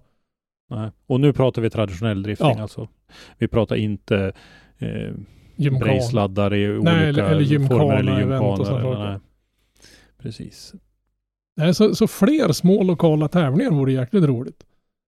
Och, och då Mm. gäller det ju att få att förarna dyker upp på den också. För nu har det har ju, har, har, Mm. vad säga, det här är lite kritik till förarna som de banne med får ta åt sig. Det har varit mycket gnällande om att det arrangeras lite tävlingar, men när det väl arrangeras en tävling så dyker det upp tre. Så man förstår ju samtidigt varför klubbarna inte är så sugen på att arrangera en tävling när det inte dyker upp så många förare som, som det skulle behövas för att driva en tävling runt. Sen vad det beror på om det är liksom att man är mitt uppe i en SM-säsong och inte vågar satsa bilen men, och så vidare. Men det, det försöks ju arrangeras tävlingar, men varför faller de bort? Det är lite Mm. det man måste försöka analysera också. Ja, precis. Ja, men så är det ju. Men jag tror ju samtidigt att det skulle bli fler om vi börjar köra fler små tävlingar och Ja. tävla på lite lägre nivå också. Så att säga. Mm. Det är det, Ja, det är det. För som läget är nu så är an, det är antingen att fara och fisa omkring på, på frikörningar eller att köra RM. Och det är en Vissa- hjulsburnande 740 eller HGK. Liksom det, det är de Ja, det är liksom som- det. Och att vi behöver fylla eh, gapet däremellan. Ja, det är liksom inte ett kliv ifrån vägbanan upp till väggrenen, utan det är liksom ett kliv Ja, det är- ifrån vägbanan upp till taket. Jag menar det är, det är ett jättehopp. Jag menar tänk om du har suttit och kört, Mm. kört tre, fyra frikörningar och sen ditt nästa hopp är att, att möta grabbarna i slaka mustascher i, i RM. Liksom. Tjena! Mm. Det nej. I tvinn Nej. direkt. Liksom. Ja, precis. Nej men det, det är som vi sa nu i, i början, nu gick det ju bra för de här grabbarna så vi ska inte ha dem, men, men ändå så reagerar man när man får höra att eh, på premiären på Mantorp Park i, i RM så kör en del grabbar sin första, sitt första twinåk. Mm. Så ska det inte vara. Nej, då, då ska man ha kunna haft möjligheten att träna upp sig lite mer. Ja, och kört någon tävling innan, någon, någon, Ja. någon mindre tävling sådär. Men då har du liksom Men, br- eh, brustit möjligheten att kunna få köra de här lite mindre tävlingarna. Att de har inte funnits helt enkelt. Det har inte Mm. funnits möjligheten att kunna köra de här. Nej, och Nej. sen har du ju det Mm. att alltså frikörningarna, där kan du inte heller köra twin på det, det sättet. Nej men även om du, hade, om Nej. du har bra twin-träning så själva tävlingstränandet, alltså träna på att Ja. vara på en tävling, alltså du, det, vart rutiner runt där och hur du liksom, vart du ska ta vägen och hämta det och det och hur du ska göra och bete dig och föra Ja, möten. nej, det, och- nej, det är dels det. Men sen eh, som du säger Henke också, frikörning och twin. Titta, stå under en gatubilshelg till exempel och titta på frikörningen. Den enda gången du ser någon twin-körning som är åt, någonting att tala om där, det är ju under de här showpassen när GDS-förarna Ja, ja. kör sina träningspass så att säga, sina frikörningspass. Då, för de känner varann, de har ungefär likvärdigt material och sådär, då blir det lite twin-åka. Och sen så har du också det att, alltså som frikörare och köra en bana och kunna bestämma linjen själv Mm är ju en helt annan sak mot att köra när en annan har bestämt att så här ska du köra nu. Men det finns lite grann där och där, där, där har ju det nya utskottet lite grann att ta tag i och de har sagt att eh, ganska öppet att de vill eh, bredda och få in fler eh, deltagare och vi hoppas att, att det blir fler tävlande av, av de deltagarna så att vi, vi breddar basen och inte bara all, alla, drift, alla som vill tävla i drifting ska inte köra SM och RM tycker jag. Det ska finnas fler möjligheter. Och, Ja. och, Ja, det måste finnas fler. Men sen Alltså, måste vi och, upp, och, och som sagt i traditionell drifting, inte brejsladdar men också måste vi öppna upp för att det ska vara lättare för folk att liksom börja börja med den här sporten. Vi måste fortfarande Ja. jobba med att få, dra till oss fler utövare. För nu känns det som På, att det har på varit ett säkert sätt. Ja, att det har varit liksom samma gäng de senaste hundra åren tänkte jag säga, men, men de, samma gäng som har kört. Och så, det har inte kommit till lika många tycker jag det känns som, som det faller bort. Alltså det, det, eller så är det ungefär i samma paritet. Att det är folk som, inte, som väljer att inte köra eller som säljer sina bilar och går vidare till annat eller som lägger av. Men vi har liksom ett, jag får säga, det, det har nästan känts som det har blivit lite stiltje i, i, Ja. i, i nytillskott. Jag vet inte riktigt om jag håller med det där. Jag tycker nog att det kom en hel del nya. Det, det, däremot så när jag klev in och blev riktigt engagerad i den här sporten så har jag lärt känna en massa människor. Av dem är det ju väldigt många som har klivit av. Och därför så känns ju det betydligt värre nu. Mm. Eh, jag lägger märke till det på ett helt annat sätt när mina Facebook-vänner till exempel slutar och kör drifting jämfört med vad jag gjorde när jag nyss hade klivit in och inte kände någon och inte, inte hade så bra koll på, på de som var med. Jag tror att det var ungefär samma omsättning på folket eh, även då, men, men att man märker det på ett annat sätt nu och sen fylls det på med nya som man, som man lär känna under tiden. Liksom. Jo men det kan ju vara det att man, man, att man tappar bort de här man känner och så kommer det lite en massa nya som man inte har samma kontakt med. Det kan ju vara det att det, det, det är liksom samma flöde, det är bara det att man har blivit lite sämre på att knyta till sig nya kontakter så att det, det är liksom Mm. en, en falsk eh, alltså uppfattning om hur det går till. Men oavsett så behöver det vara fler människor som håller på med drifting. Det är ingen snack om Ja. det. Vi måste ha liksom, om, om det försvinner 20 ska, vi, ska det till 50 för att den ska Mm. utvecklas och må bra. Ja, det är lite grann som med, med barnafödandet. Det räcker inte om, om varje familj har ett barn. Det är ganska enkel matematik. då, går vi en, då går vi en minus. Japp. Om två blir en, då går vi en minus. Japp. Ja, Men eh, om, om vi hoppar lite raskt vidare, bilbyggen då? Vad, ja vad behöver man på? för att kunna börja köra drifting? Ja, man behöver en oj. bil. Ja, och en, en en bil. helvetes massa pengar tydligen. Ja, en helvetes massa pengar. Nej, men, eh, Ja, vi men- tänkte men vi skulle för- ta att en bli liten duktig- koll. Så här, så här, om, för att bli en, en världsstjärna i driftingen så behöver du starta med att vara miljardär. Ja, det, det är liksom ett Så att, du, så, så att du kan bli miljonär för att köra drifting. Nu går, Nej, det, nu går det säkert att köra drifting på en normal nivå utan att bli helt skinnad faktiskt. Eller, Oh, all motorsport är dyr. Det är inte, inte den billigaste sport vi har att erbjuda i det här landet. Nej. Det är den roligaste sporten, tveklöst. Det är ingen diskussion om. All annan sport är skittrist jämfört med det här, men, men det är nog kanske inte den billigaste lösningen. Som han sa killen Nej, på, på. Tierp Arena, han som körde dragracing där, som hade en grabb som höll på med drifting. Han sa att jag, han hade inte så mycket pengar, pappan, så han tänkte fortsätta köra dragracing. Det tyckte jag var en ganska bra beskrivning av kostnaderna här för drifting. Nu körde han i och för sig i någon streetklass då, men, men ändå, det var, jag tyckte det var en rolig grej. Men, men eh, har vi någonting, nå- någon info vad, vad gör grabbarna grus? Ja, Det är en vi hel del väl faktiskt. Hört lite grann i alla fall. Vi vet att Pontus Hartman har börjat kika på ny bil. Mm. Han hade väl köpt Eh. ett, ett chassi som de skulle bygga på. Mm. Så han ska väl inte bygga en ny bil från, eller ja det ska han ska bygga en ny bil från scratch, men han ska inte ta en och behöva riva över inredning och dona på. Han, slipper den skitgörat, utan det är bara liksom Mm. glassgrejen där. Mm. Men det, det är Vet vi vad det är för bil? en, var det en E92? Ja, men eh, vilken individ? Nej, Det- nej, jag vem, vet inte Vem vem- är det som har haft den innan? Nej, jag har ingen aning. En eh, BMW 92 ska det vara i alla fall. Som, och han körde ju sin E46, har ju han haft sedan han började med det här. Sen stan brann. Han Mm. sa väl också i någon liten sån här byggvideo att, att nu kan han bygga den här bilen han ville. Jag kommer inte ihåg vad han sa, att han hade en, en driftmissil som han har modifierat för att köra drifting med. Eller någonting i den stilen var det som han försökte Mm. beskriva den förra med. Och om det, jo, det är, var väl en, en bashbil Ja, lite jag sa det. En, ba- en bashbil ja. som varit en driftbil. Så det ska bli jävligt intressant att se vad han lyckas åstadkomma när han verkligen får bygga en seriös bil. För jag har väldigt svårt att se hans eh, E46 som en bashbil. Det är Mm. jävligt långt därifrån. Men nu kanske han har lite Mm. bättre flyt med motorer. Eh, Jocke Gran eh, Mm. Ska gå in på en Nissan S14 Boss-kittad. Mm. Mm, det ryktas ju så i alla Ja. fall. Det har ju kört sin Volvo 245 också sen stan brann. Eh, Jocke hade vi ju en lång intervju, eh, ett par avsnitt bakåt här i podden. Eh, så eh, ni som vill höra mer om eh, hur han har tagit sig fram till eh, där han är nu kan lyssna på det avsnittet. Det är avsnitt 59. Eh, där är väl inte planen att bli klar till kommande säsong utan eh, det senaste vi hörde från Jocke var väl att han skulle, eh, tror jag, hjälpa Imba Productions va? Eh, lite som mekaniker kommande år. Mm. Under, under året ja. Ja, precis. Så ehm, vi får väl se när den bilen blir klar, men det är Det är lite trist om han inte ska vara med och tävla nästa år.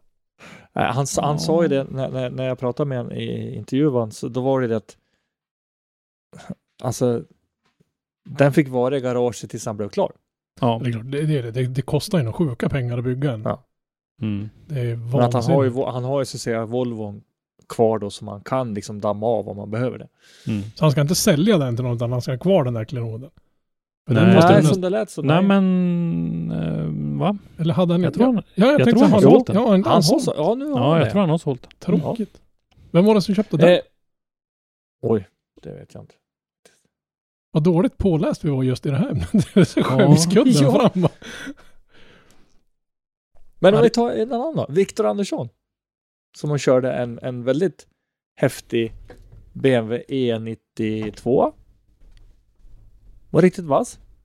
Eh, han har gått och vill ha lite smalare med en Toyota GT86. Mm.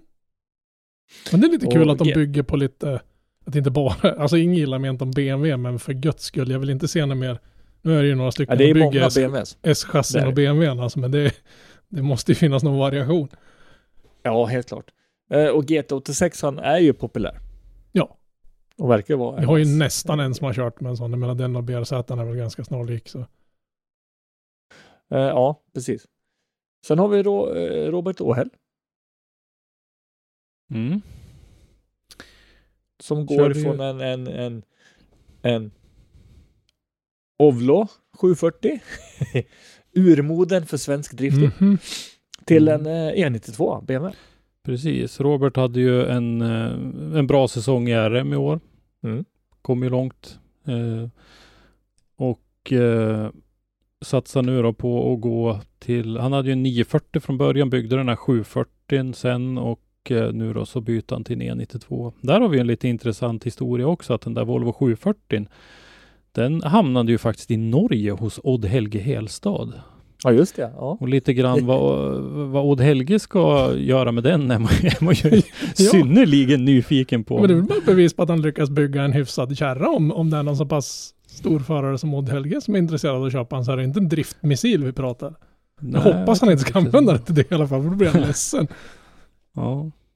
Nej, Robert, eh, också en sån här som eh, man ser lite grann vad han håller på med och han bygger för fullt och håller på med det där. Så att det, det ska bli kul att följa. Mm. Se vad det blir Eh, ut. Filip Navrocki går Mm. också ifrån sin Volvo 740 till en Nissan S13. Det är ett jäkla manfall på Volvo-fronten inom driftingen just nu. Ja. Ja, det är det faktiskt. Eh, Min bild av Navrocki säsongen 2021 var att han en en del problem med den där bilen. Eh, inte helt hundra säker på det, men det känns så. Eh, så att, ja, bygger Ja, Nissan ja, men det- det- S13. Ja, det såg ut som att han fick jobba hårt med, med, med Volvon på något sätt. Jag vet inte. Mm. Ja, det ska bli kul att se vad han kan göra i, en, i ett Nissan-chassi. Det är ju en ganska stor förändring att gå från en, en 740 till en S13 naturligtvis. Ja. Sen har vi Viktor Wettermark. Som då går från en BMW E36. Som också är en sån här väldigt populär modell att ha då. Mm. Eh, till en Nissan S14. Mm. En annan ännu mer populär modell. Mm. Om vi säger så. Precis. Eh, Viktor som ju eh, var väldigt, väldigt nära att ta sin första seger i SM-deltävlingen här i Sundsvall i somras. Ja, Ja, och vad ledsamt det måste varit. Alltså. det var ju det. Han hade- Jag fick kände med han. Motorproblem där och vågade inte eh, offra sin motor så att han eh, gav upp i finalen. Annars hade han ju en, eh, en bra möjlighet att ta hem den finalen. Han hade ju ett, ett ganska kraftigt övertag från första åket i den finalbatten. Men vi fick ju visa att han, eh, att han är duktig och kom långt i den där tävlingen. Framförallt så visar han för sig själv att han faktiskt har ju Ja, kapaciteten. Men det var väl ett ganska klokt och moget val att välja att Ja, inte absolut. riskera också. Så Ja. det ska man ha Ja, en för det eloge för. Det, det inte- liksom tyder ju på att ja, det inte bara är balls to the wall, utan det finns någonting innanför Nej. pannbenet som ser liksom långsiktigt på det hela också. ja, det är inte Ja, värt sen att så- offra bilen ja, och offra nej. resten av säsongen. För det var väl inte så jättelång tid ifrån Sundsvall till nästa heller. Det Det borde inte ha varit någonting alls. kommer jag inte ihåg. Eller om det var någon, typ någon, någon Hultsfreds Brejslad eller Men oavsett Ja. vad det är, så men ett motorhaveri är inte bara liksom en tidsödande grej. Det är ju några fruktansvärda pengar. Vi pratar inte 20 Mm. papp för att åka och hämta någon gammal B230 på någon skrot. Nej. Nej, så är det.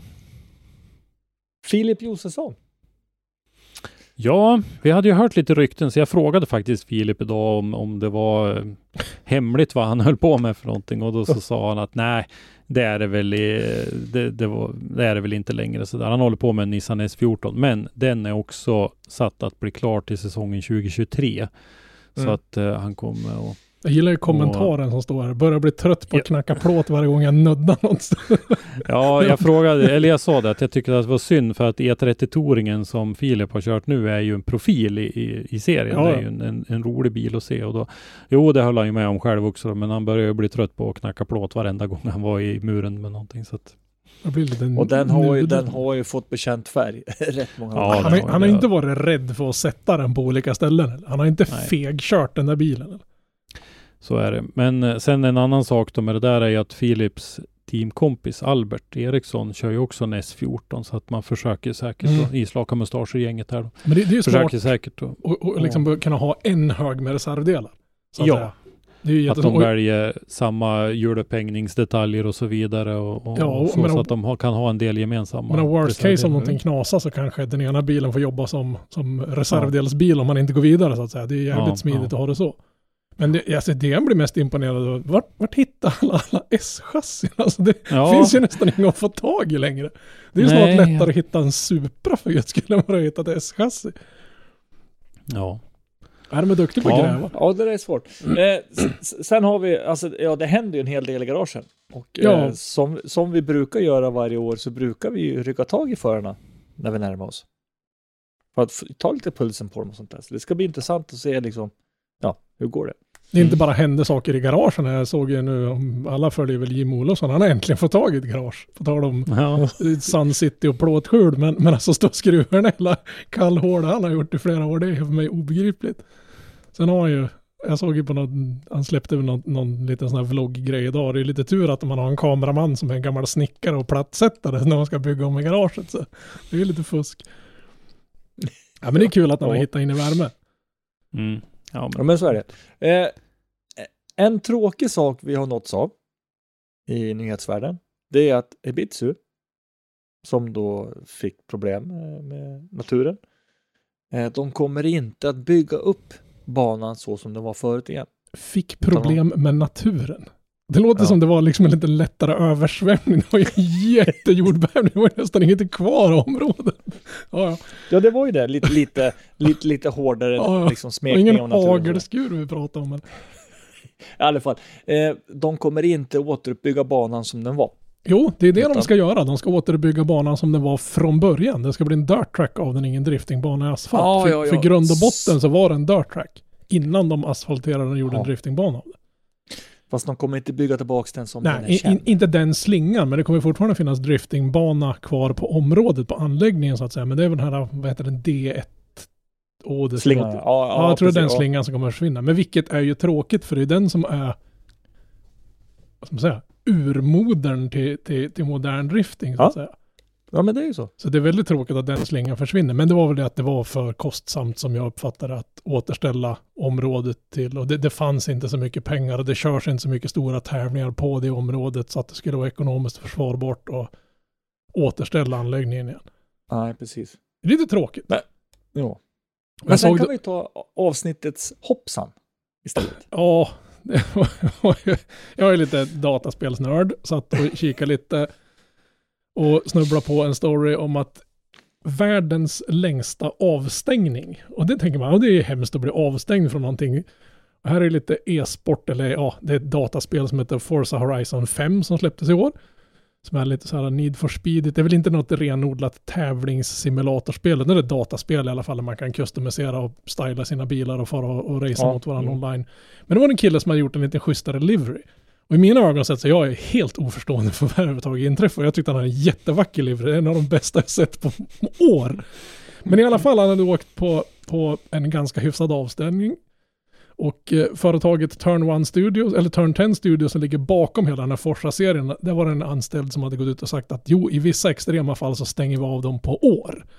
Men det har aldrig någonsin tidigare skett en sån här ordentlig avstängning. Den här stackars killen då som hade en livery som inte följde deras eh, end user agreement. Han vart avstängd i 8000 år. Så han får, är välkommen tillbaka igen år 9999 får han komma tillbaka och köra det här spelet. Nu är jag lite skeptisk till att det här spelet fortfarande kommer ligga kvar då. Jag kör i och för sig ett, ett, en sim som heter Live for Speed som är en väldigt, väldigt, väldigt gammal sim som jag varje gång jag loggar på där tänker fan den finns fortfarande kvar. Det är magiskt. Men det han hade gjort då var att han hade gjort en livery där han har tagit KFC, alltså Kentucky Fried Chickens loggor på en röd lite, jag tror det är en Subaru han har moddat till. Jag har inte kollat så noga på vad det var för bilmodell. Och så har han bytt ut översten till Colonels ansikte mot Kim Jong-Un. Och det är därför jag ställer mig lite frågan hur det här kan vara någonting negativt. Alltså, så, Våran maskot. ja, precis, våran Ja. maskot. Men han hade även... Eller så är det just därför. Ja, det kan vara just därför. Sen hade han, Han har även lånat våran maskot utan Ja, jo, precis. Jag, jag ringde till de här och sa åt honom att nu får ni ta och tagga ner det. Men, men han hade även gjort några så hashtags istället för send nudes så var det send nukes. Och det var kanske inte så politiskt korrekt. Och så istället för New Balance skomärket eller klädmärket så var det Nuke Balance. Sen hade han gjort några Nike-loggor som det stod Nuke på och sen hade han ändrat Pirellis logga till istället för Pirelli så stod det Pyongyang på den. Det var väl kanske inte skitbra. Jag tycker det var jätteroligt, men jag kan se ironin, jag förstår humorn bakom och jag tror inte han var någon uppviglare till förespråkare av atomkrig och grejer. Nej, alltså, man, man, kan säga, man kan säga så här. Eh, att ha då Kim Jong-Un och en hashtag med send nukes ja, det var väl i kanske lite... samma, det kanske jag lite tycker de- magstarkt. En grej var det att de hade ju intervjuat han på någon, någon eh, sån här gamingtidning och han hade inte fått en, ens en, en varning eller en tillsägelse eller någonting utan de bara klippte han direkt. Man kan ju tycka att de kanske hade sagt åt honom att "Ö, det där är inte grönt, du får en varning. Eller stängt Mm. av Ja, honom ta bort det liksom. vecka Ja. eller någonting sånt där. Men stänga av honom i 8000 år känns ju lite över, lite drastiskt. Och då är det inte Playground Games som är ute som tillverkar det här spelet utan det är de som vad ska man säga, det, det, det Microsofts Turn håller 10 driften på Studios. Ja, som, precis. som ligger bakom hela Forza-serien som har gått ut och gjort. Och jag kan tänka mig att det är någon Microsoft-grej, man kanske inte ska reta upp andra länder och så vidare och så vidare. Men, men det var Mm. lite saftigt med, en, med att, inte, att bli avstängd fram till år 9999. Då. Det är lite Ja. grovt. Och jag, kommer nog inte att rita någon livery. Jag gillar att rita liveries till tävlingsbilar online och sådär. Men jag kommer nog inte att göra något i det här spelet känns det som. Nej, Jag- jag tror inte till jag Forza vågar. 5 kommer jag- man nog inte göra nej. Jag, jag har ju en, en som jag har fått några förfrågningar om vad, vad i helvete jag har på min bil när jag kör Need for Speed. Jag har Ahmed kött och fälgar och då har jag en, en stor ko på sidan av bilen och så ett par aluminiumfälgar. För det, man måste hitta på fiktiva företag som sponsorer.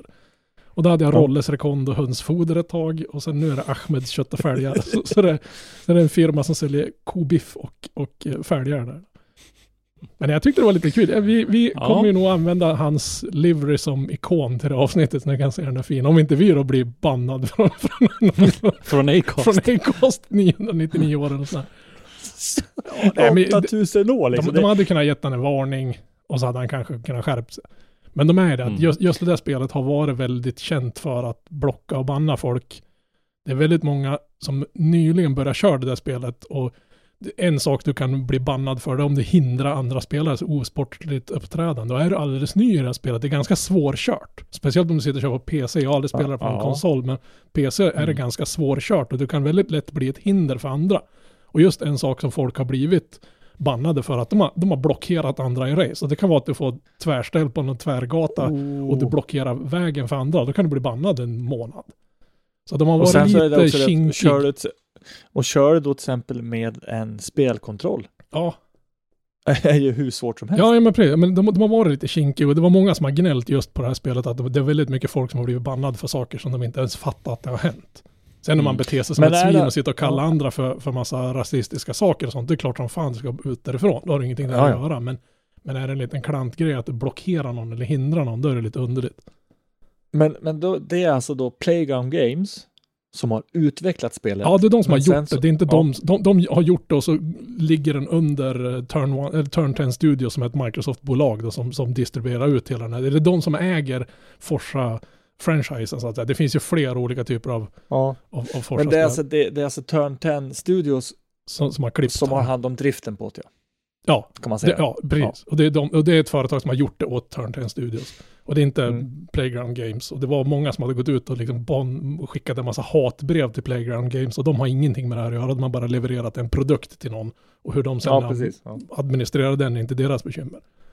Men det är som sagt var, det är Mm. lite drastiskt för en, för en kul grej. Det var ju ingen diskussion om att det fanns humor bakom det. Jag tyckte det var jätteroligt. Såg när jag garvade så här pep. Det, det var... Det var Jag, för jag, jag, jag har liksom svårt att se att den liveryn skulle skapa några jättestora problem. Liksom. Ja, alltså hela den här grejen med, med att byta ut KFC mot någonting annat. Det, det har ju varit mycket så här att de har ritat om, om Kinas president eller Kinas diktator. För han är fan ja, diktator till Nalle Puh och sådana här saker. Det är folk som har blivit bannade för de har haft sådana liveries Mm. också. Sådana här saker. Så det kan ju vara någonting i följd med i spår av Mm. det att man kanske ska... Vad fan, Ja, det, var kan ett- ju vara någon laglig grej. Det, det var ett vara skämt. Alltså det var en, det var en Ja. Folk måste liksom släppa sargen och, och kliva in i matchen. Och med Ja. den bomben. Ja, vi kan väl bara säga det herrar. att på fredag nu när ni lyssnar på det här. Då är det 119 dagar kvar till nästa, till, till drift-SM drar igång. Ja, det, är, härligt. det är fan Och det är en stor långt, bomb. alltså. Ja. Det är för Mm. långt bort. Ja, Vi har ju haft en synnerligen rafflande final i Formel 1 här i helgen som gick. Och eh, det var ju en väldigt spännande säsong och en väldigt spännande tävling och sådär. Eh, och dagen efter, alltså i måndags igår, dagen innan vi spelar in det här, då började Janne Blomqvist på Viaplay Motor och räkna ner till nästa säsong. Ja, okej, ja, ja. ja. Precis andas ut efter eh, den Men, förra men säsongen. F1 måste se över sina regler lite grann. De har lite att hämta av exempelvis Indycar med att när det är x antal varv kvar så släpps tätförarna förbi backmarkers och så vidare för att det inte ska liksom ställa till med något strul så att vi slipper sånt här tjafs som var så att inte Mercedes Mm. behöver sitta och gråta i depån och försöka överklaga allt som sker. Det har varit Mm. mycket lekstuga, alltså det har varit mycket klagande från båda håll där. Det känns som att Det finns mycket att städa upp Ja, i, ja men precis. Det, det känns som att styr, de som styr F1 måste gå in och liksom börja sätta ner foten Ja. och tycka att det gnälls. Det är väldigt mycket försök men den här, att hitta den här radiokommunikationen mellan teamcheferna och eh, den här Race Director Hans- Michael Masi måste ju upphöra. Ja, Eh, Faktiskt både Christian Horner i Red Bull Racing och eh, Toto Wolff i Mercedes var ju på i, i förebyggande liksom. Ja. Var på sådär. Nej, ingen säkerhetsbil, ingen säkerhetsbil. Eller ingen, eh, ja. ja. Nej, men liksom bara, nej. Sen har det ju varit mycket så här snack om att är det Netflix som bestämde att det ska gå till så här för den här Race, vad heter det, heter the race Survive, eller vad heter det? Drive to Drive Drive, to. Survive-säsongen ska bli så intressant som möjligt. Så att, så Ja. att det är det det hänger på. Jag sitter mest på Ja. hoppas på att, för de håller på Indy och, och typ, typ Netflix, eller jag, vet, jag tror det var HBO, har väl börjat satt sig ner och spåna lite om, om det kommer att kunna gå att göra något liknande inom Indycar-cirkusen och där ska du se på, på, Mm. på Hallabaloo. Det är, inte, det är inte samma bitchande och whinande, men det är mycket mer relaxed runt omkring förare och sådana saker. F1 är ju väldigt, väldigt styrt vad du får göra och ha och säga och tycka och hur du får bete dig. Och Indycar är väl mest, mest bara en massa rednecks som åker iväg och åker lite bil på helgen. Mm. Man, man skulle kunna alltså, ställa dem emellan så här. Så har du då eh, white collar workers, blue collar workers. Ja. Men, det, men det, Så har du F1 på white collar samtidigt tror jag att en sån här tv-serie lyfter lite för sporten. För jag tror att den här Ja, Netflix-serien har ju hjälpt F1 att få den här äh, tillströmningen av nya tittare som de har nu. Som när de var Oh i ja. USA har Ja, det ja. aldrig varit så sjukt mycket folk att titta på tävlingar som det har varit i år. Nej. Men sen, vi fick ju en, en otrolig säsong i år. Mm. Det har skiftat fram och tillbaka vem som har lett VM och vem som har varit dominant och nu avgjordes det på sista varvet i sista tävlingen. Så kommer det inte att vara Nej. i men- framtiden. Nej, men det, det det, kan jag lova. det, är därför folk har tyckt att det var Netflix som bestämde hur den här säsongen Ja. skulle gå till. Det, det Nej, kändes för menar, mycket tv-serie av det hela. De som har kommit in, den här Netflix-generationen som har kommit in och börjat titta på Formel 1 nu kommer ju att bli eh, besvikna ett antal gånger framöver eh, om de Ja, jag måste ju säga att det ska vara så här. jag som är lite anti mot F1 måste säga att jag tycker den här säsongen har varit helt makalös. Jag har tyckt det har varit... Nu, F1 har kommit tillbaka. Det är det jag gnällde och tyckte den hade varit tråkig enformig. Det har helt försvunnit. Men det, nu har det Mm. gått åt andra hållet istället. Så det har liksom Mm. barkat av och blivit nästan en parodi på sig själv. Eh, jag tycker det var synd att det blev som det blev också för att eh, oavsett jag hejar varken på Lewis Hamilton eller eh, Max Verstappen. Jag är Kim Räikkönen-fan och han Oh, gjorde ja. sin sista tävling. Men däremot att det blev som det blev lämnar inte riktigt rätt smak i munnen. Det var synd. Jag hade gärna sett att Max hade blivit världsmästare, men eh, eh, när det blev som det blev och när man börjar inne och twister och läser ordalydelser och lite tveksamma eh, formuleringar i, i regeltexter och så vidare. Så Joakim Ternström som vi har haft som gäst i podden hade en, en väldigt detaljerad och bra genomgång i eh, Forsa Motorsports eh, Facebookgrupp. Och där så är man inne lite grann på eh, och, och tolka avser det här ordet det här eller avser det här ordet det här? Och, och, och vilket ger Michael Masi den här möjligheten att bestämma det här själv eller inte. Då, är det, då har det Så gått för långt. Liksom, när det börjar bli hårklyverier om hur det ska kunna bygga och Ja, tävla. Så att säga. För, förhoppningsvis så vet ju Michael Masi själv vilka befogenheter han har så att han vet med god eh, alltså att han vet att han har tagit det här beslutet med med rätt, alltså att han hade rätt att ta det här beslutet. Men sen har de väl varit lite inkonsekvent när det gäller bedömningar av olika saker. Så att vissa gånger Ja. har, en, har ett, ett om två likadana förseelser har skett så kan det vara två helt olika utgångar på, på bestraffningarna så att säga. Ja, det måste man ju det bli lite mer det där- rättvis på så att säga. Så att man har Ät- samma mm. regelverk och dömer efter jo, men är, är två situationer någonsin likadana? Nej men alltså det- när det har varit, vissa vet, gånger har det men- blivit ja, jättehårt jag vet. och andra Mm. gånger har det bara blivit någon, någon sket Ja. bagatell av det hela. Ja. Så, så man måste bli liksom hårdare på den biten.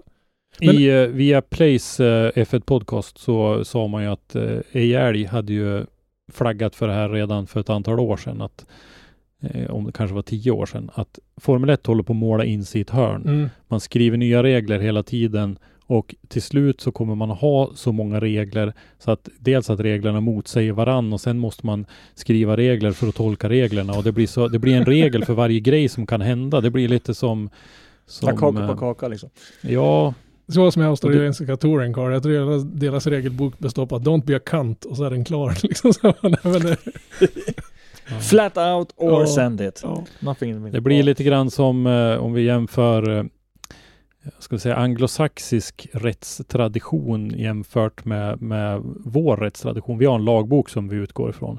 De utgår ifrån prejudicerande domar. Hur har vi dömt förut? Så ska vi döma. Så gör inte vi här på samma sätt. Alltså. Tack och lov. Tack. Ja. Så att, eh, Men ja. hörni, Men nu, Ja. jag, jag, vill, på tal om, när vi ändå är inne och surrar med F1, så det finns en skitkul YouTube-kanal som heter FP1, FP1, som är en, han, han gör ironiska och sarkastiska recensioner av alla F1-tävlingar, eller många motorsporttävlingar. Och har ni lite, lite ironisk humor så gå in och kika på hans kanal, det är förbannat roligt. Det är nästan så att man sitter och väntar på att tävlingen ska vara över så att man får se en av hans ganska dryga och, och, och bistra kommenteringar om hur tävlingen gick till. Det är fruktansvärt underhållande. Mm. helt klart. Och med den bomben, herrar, följ oss. Följ eh, Motorsportmagasinet på Facebook, Instagram. Eh, vi har en fin hemsida. Följ Driftpodden på Facebook, Instagram. Följ eh, Motorsportmagasinet på Youtube, där vi har vårt videomagasin. Följer ni oss så, så får ni också se då och inte missa våra nyheter. Så men eh, däremot rykten om att vi skulle ha en Onlyfans-sida vill vi bestämt eh, dementera. Där vi säljer ut de här Driftpodden-avsnitten där vi sitter och sänder med bara överkropp. de ryktena ni har hört är inte sanna. Nej, tyvärr. Än. eller än, är de? Tyvärr. Jo. Ja, Jag tror inte vi skulle komma så det, långt på det var de Vi- fem vi- lyssnarna. Men- i alla fall, eh, tack för att ni har lyssnat och jag hoppas att ni kommer tillbaks till nästa avsnitt. Eh, och med det säger vi väl bara hej då! Hej då! Tack för att du har lyssnat. Lyssna gärna på våra tidigare avsnitt och glöm inte att ge oss betyg i din podcast-app. Har du ett ämne eller en gäst som du vill att vi tar med i Driftpodden så skicka oss ett meddelande på Driftpoddens eller Motorsportmagasinets sociala medier eller skicka ett mejl till oss på driftpodden gmail.com. I dagens avsnitt har du hört Henrik Andersson, Christer Hägglund och Robban Strandberg. Ljudpåläggning och slutmix Robban Strandberg. Driftpodden produceras i samarbete med Motorsportmagasinet och Powerslide Media AB och produktionsåret var 2021.